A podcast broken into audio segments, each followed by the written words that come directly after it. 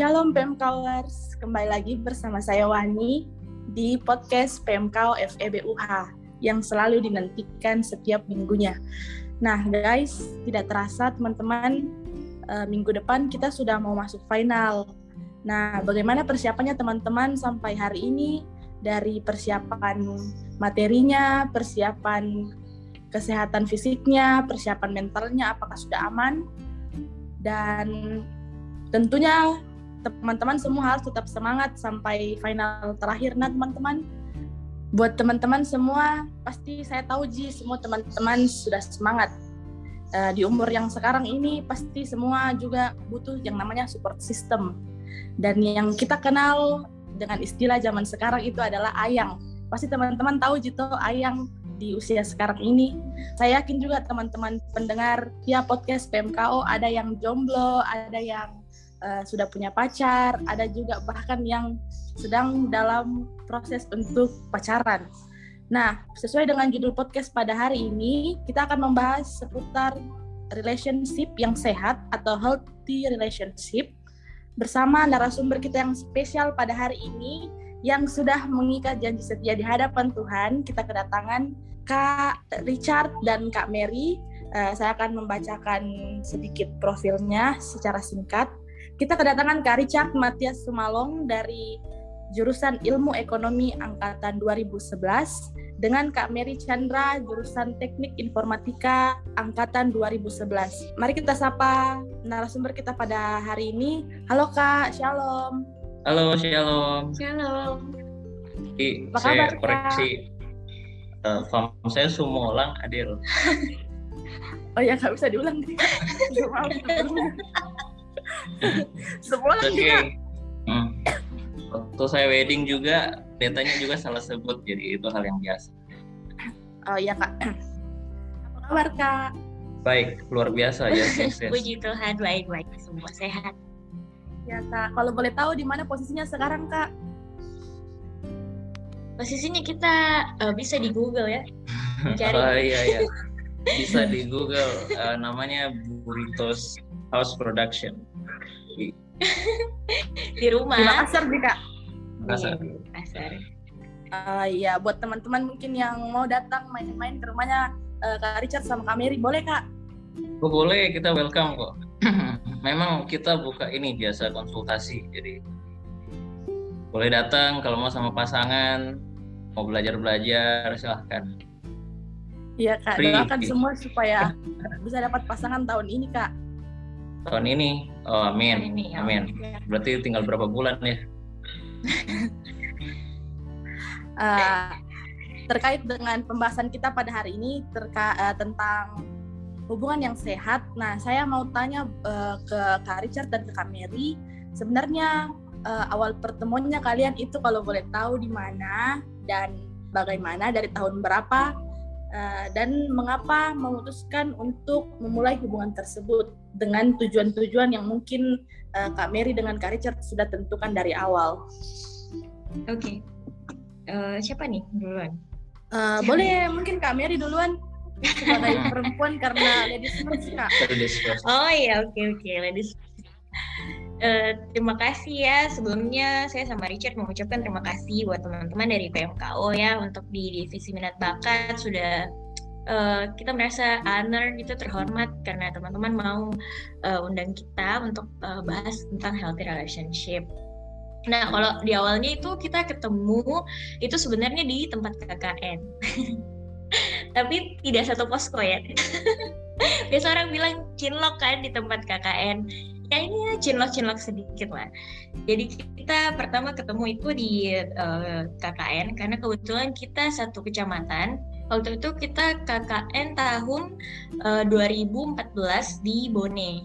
Terus waktu itu uh, sebenarnya sih awalnya nggak ada kayak hmm, mau langsung suka atau kayak orang bilang cinta pada pandangan pertama itu sebenarnya tidak karena kita pertama kenalnya sebagai teman. Oh ini teman satu posko, dia di posko ini, dia di desa ini seperti itu. Dan kebetulan waktu itu uh, saya posisinya sebagai sekretaris kecamatan. Jadi uh, semua absensi, nama-nama uh, peserta, nama-nama anggota itu ada di saya. Jadi uh, setelah kita kenalan, terus uh, waktu itu kebetulan ada satu waktu saya ada program kerja harus uh, mendampingi acara seminar kecamatan, bukan seminar kecamatan, seminar desa. Kan ada ya di dalam program kerja pasti ada seminar desa sebelum mulai proker. Nah, sebagai uh, sekretaris kecamatan, waktu itu jadi perwakilan kecamatan harus datang juga untuk menemani teman-teman di kelurahan. Untuk menuju ke desa itu, saya sebenarnya minta tolong sama teman saya yang saya kenal duluan karena kita sama-sama pulang dari gereja karena dia bonceng saya namanya itu Ari uh, manajemen 2011. 2011 ada yang tahu halo kakak Ari jadi Ari ini pertama antar saya bonceng ke satu desa, anggaplah desa A. Nah, untuk menuju ke desa A itu harus lewat desa B. Nah, di desa B ini tempat desanya Richard. Dan uh, temanku ini yang hari ini dia berhenti di desa B ini karena dia juga bingung uh, jalannya untuk ke desa A. Dia minta ditemani. Akhirnya dia panggil Richard di desa B. Nah, di situ juga kita mulai kenalan. Oh, ada ini di desa B. Terus dia nganter kita ke desa A singkat cerita di desa itu kita um, gimana ceritanya kayak uh, ganggu-ganggu satu sama lain malah kayak agak sebel-sebel gitu karena uh, kayak diisengin lah gitu sama Chan tapi habis itu udah kesel terus pulang balik ke posko masing-masing. Nah, habis itu pertemuan kedua sempat lagi saya pergi ke desanya dia, tapi di situ sikapnya kok beda. Sikapnya itu dia uh, lebih baik daripada yang waktu pertama kan kayak disengin gitu. Terus yang ini dia lebih baik kok. Saya merasa kayak oh kok ini anaknya jadi berubah gitu. Ternyata mungkin waktu itu dia kayak salting ya hmm. nah akhirnya singkat cerita um, dari pertemuan-pertemuan itu akhirnya ada satu waktu yang terakhir itu saya butuh MC untuk di latihan dasar kepemimpinan program kerja kecamatan dan sebagai uh, seorang MC saya perempuan terus saya butuh cari MC cowok supaya lebih hidup kan ya suasana anak di di SMA kan anak-anaknya ya kurang lebih suka yang lebih rame gitu kan jadi perlu dua orang jadi cewek sama cowok. Jadi saya list deh siapa ya kira-kira ini uh, orang di kecamatan yang bisa bantu saya MC dan out of nowhere tidak tahu dari mana tiba-tiba saya terpikirkan Richard. Terus saya telepon ternyata dia mau dan akhirnya waktu itu dia bantu saya untuk bisa MC di latihan dasar kepemimpinan. Nah dari situ dari uh, eh, MC sama-sama itu kan lebih sering cerita lebih sering kenal satu sama lain. Akhirnya balik ke kampus ya uh, kurang lebih bisa dibilang PDKT ya. Jadi kayak uh, ketemu beberapa kali tapi nggak sering juga uh, SMS waktu itu masih SMS masih SMS SMS jarang soalnya ya. SMS itu juga jarang sih maksudnya nggak terlalu intens. Jadi lebih ke ya saling mengenal dulu uh, untuk memulai hubungan. Terus uh, setelah kita PDKT kurang lebih kayaknya enam bulan jadinya di akhir tahun Desember itu uh, kita memutuskan untuk pacaran. Jadi dari awal mulanya seperti itu. Terus tadi pertanyaan selanjutnya kenapa memutuskan untuk pacaran? Itu kan ya? Iya kak. Betul betul. Kenapa memutuskan untuk pacaran? Jadi awalnya itu kan kalau kita sebagai uh, anak kuliah pasti sekarang ya pemikirannya kalau dulu itu kayak ya yang penting pacaran. Mungkin ya banyak orang berpikir seperti itu ya. Karena saya suka sama kau kau suka sama saya ya udah kita jalan aja. Nanti kita sambil belajar gitu kan. Tapi waktu itu saya sama Richard sebenarnya selama PDKT 6 bulan itu kita di situlah sebenarnya kurang lebih mengenal kira-kira dia ini pria seperti apa, kira-kira dia itu wanita seperti apa. Terus dari pertemuan-pertemuan itu kita juga bukan cuma kayak jalan bareng atau nonton aja, tapi kita lebih sering duduk di kafe, terus kita cerita dan tanya satu sama lain kira-kira seperti apa. Misalnya eh, pertanyaannya waktu itu kira-kira lima tahun lagi kamu jadi apa, kira-kira uh, tujuan hidupmu apa seperti hal-hal seperti itu kenapa? Karena sebenarnya pada saat itu kita tuh sudah sebenarnya mau serius untuk memulai suatu hubungan. Dan um, memulai suatu hubungan yang serius itu sebenarnya dilandasi dari kita tahu dulu nih, kita kenal dulu nih orangnya siapa, dan karena kita sudah merasa cocok dengan um, kurang lebih visi misi nilai-nilai yang dia punya, makanya kita pacaran sama-sama supaya kita bisa lebih um, mengenal lagi dan membangun lagi di dalam proses pacaran itu. Jadi waktu itu kita memulai hubungan karena ya kita merasa bahwa uh, kita punya nilai yang sama, visi yang sama, misi yang sama. Jadi ya udah kita jalan dan kita uh, pacaran. Wah luar biasa sekali nih kak dari KKN, Cinlok, uh, PDKT 6 bulan dan uh, sudah bisa meyakinkan masing-masing diri dirinya masing-masing untuk bisa membangun sebuah hubungan. Kalau zaman sekarang itu model-modelnya Kak Mary dengan Kak Richard pacaran itu dia uh, sekarang anak-anak muda selalu terapkan yang namanya deep talk. Jadi uh, bicara visi misi ke depan, bagaimana membangun membangun semangat, membangun diri lebih baik lagi satu sama lain. Nah, uh, sekarang saya mau dengar suaranya Kak Richard.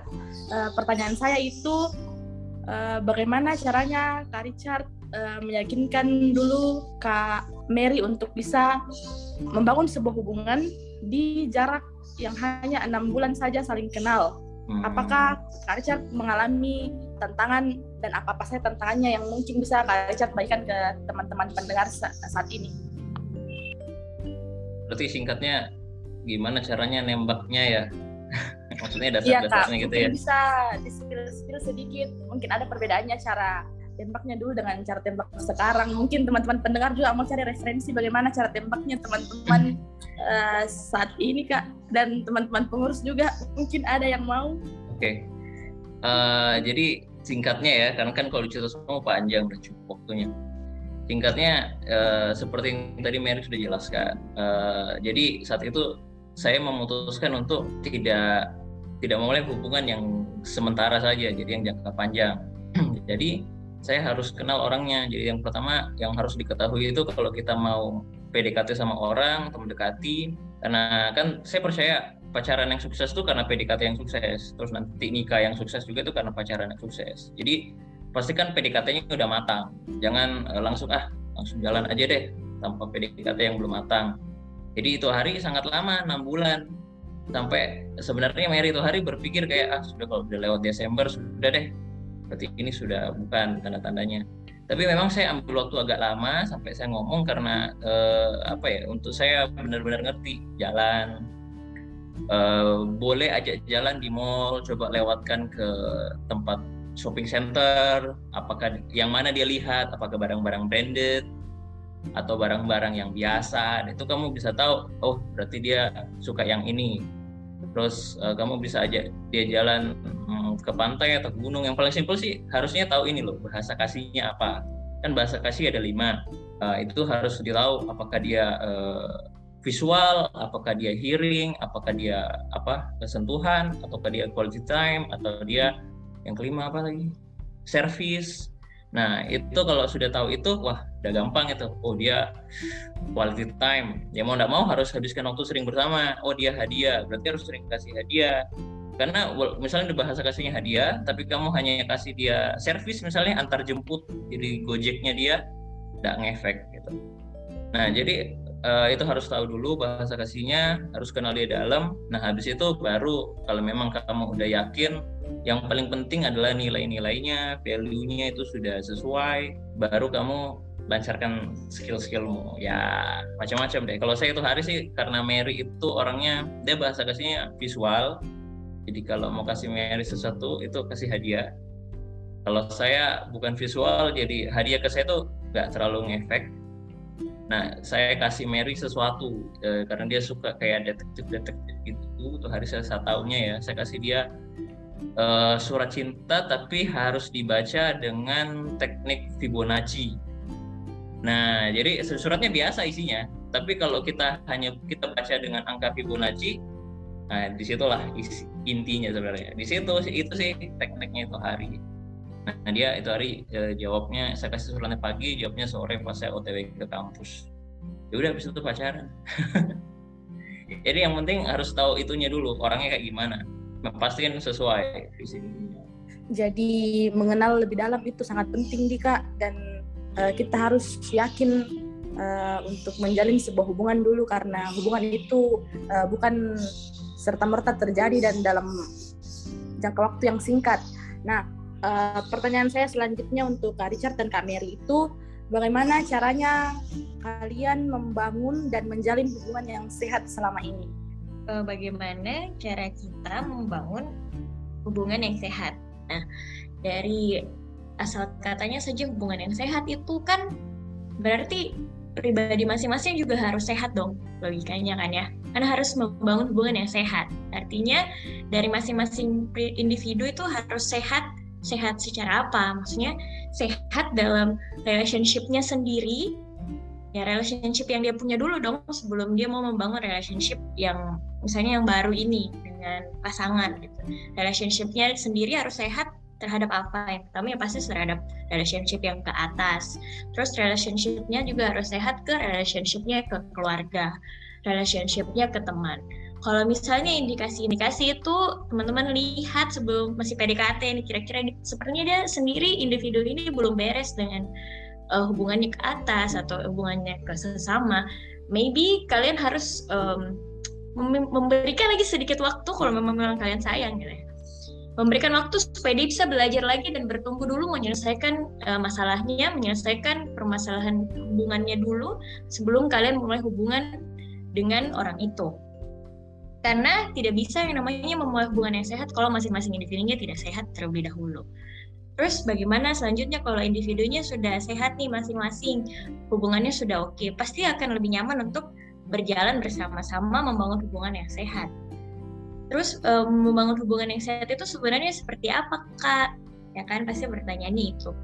Jadi yang pasti kalau membangun hubungan itu tidak ada yang namanya take it and grant it sebenarnya. Kan karena saya uh, uh, saya kasih ini dia jadi dia harus kasih ini saya. Ya, saya har dia saya bikin ini sama dia dia harus bikin itu sama saya. Itu artinya uh, saling mem, apa sih namanya? Me, tarik ulur satu sama lain dan itu malas uh, namanya saling menuntut ya saling menuntut. Dan itu pasti tidak sehat karena sebenarnya hubungan yang sehat itu ya kita sama-sama uh, siap dan kita mau saling memberi. Kalau sama-sama sudah mau saling memberi tanpa mau lagi kayak melihat uh, dia ini harus kasih ini harus kasih ini harus harus dan harus nah itu sebenarnya sudah bisa yang dibilang namanya membangun hubungan yang sehat. Macet. Iya tadi saya mau kasih ilustrasi sih. Ini penting banget dan saya harap uh, kemarin pas saya ini uh, topik relationship ini penting banget karena perjalanan saya dengan Mary dating kurang lebih six to seven years itu through ups and down. Jadi walaupun saya bilang tadi kita udah PDKT enam bulan dan visi misi sama, tapi ternyata pas jalan dating itu masih ada challenge-nya. Nah di tengah challenge itu saya ngerti bahwa ternyata relationship ini matter. Nah ini saya mau share ke teman-teman nih. Mungkin ada yang pernah dengar podcast, bahkan ini saya juga dapat dari podcast podcast relationship-nya Pastor Jeffrey dari JPCC dan ini meter saya share uh, ilustrasinya itu seperti gini. Anggap kalian punya dua gelas. Dan dua gelas ini either kamu dan pasanganmu. Nah kalau kamu itu isinya setengah satunya juga setengah jadi kamu bisa bilang bahwa uh, saya itu butuh pasangan karena saya merasa kosong. Saya perlu orang yang isi saya. Mungkin saya itu tinggal sendiri atau saya itu jauh dari papa. Saya itu punya trauma dengan laki-laki. Saya punya eh, kekosongan. Tidak ada sosok lelaki yang bisa pimpin saya sehingga akhirnya saya butuh perempuan. Ya saya butuh laki-laki. Jadi kamu cari laki-laki yang akhirnya bisa isi kekosongan itu tapi tanpa sadar ternyata laki-laki itu atau perempuan itu ternyata juga belum utuh Nah itulah yang sebenarnya terjadi di apa ya film-film, sinetron-sinetron, di mana dua pasangan itu ada uh, karena saling ah saya tidak bisa hidup tanpamu itu apa ya klise banget. Jadi yang benar adalah kita harus masing-masing utuh dulu, harus kita single dulu. Single itu artinya whole atau utuh atau komplit tanpa orang lain itu baru kita cari pasangan dan itu baru kita bisa mulai hubungan yang sehat. Nah guys, sabar dulu nah, sabar. Pembahasan kita belum selesai, jadi stay tune terus di Spotify PMKO FEBUH dan sampai jumpa di part 2 topik healthy relationship.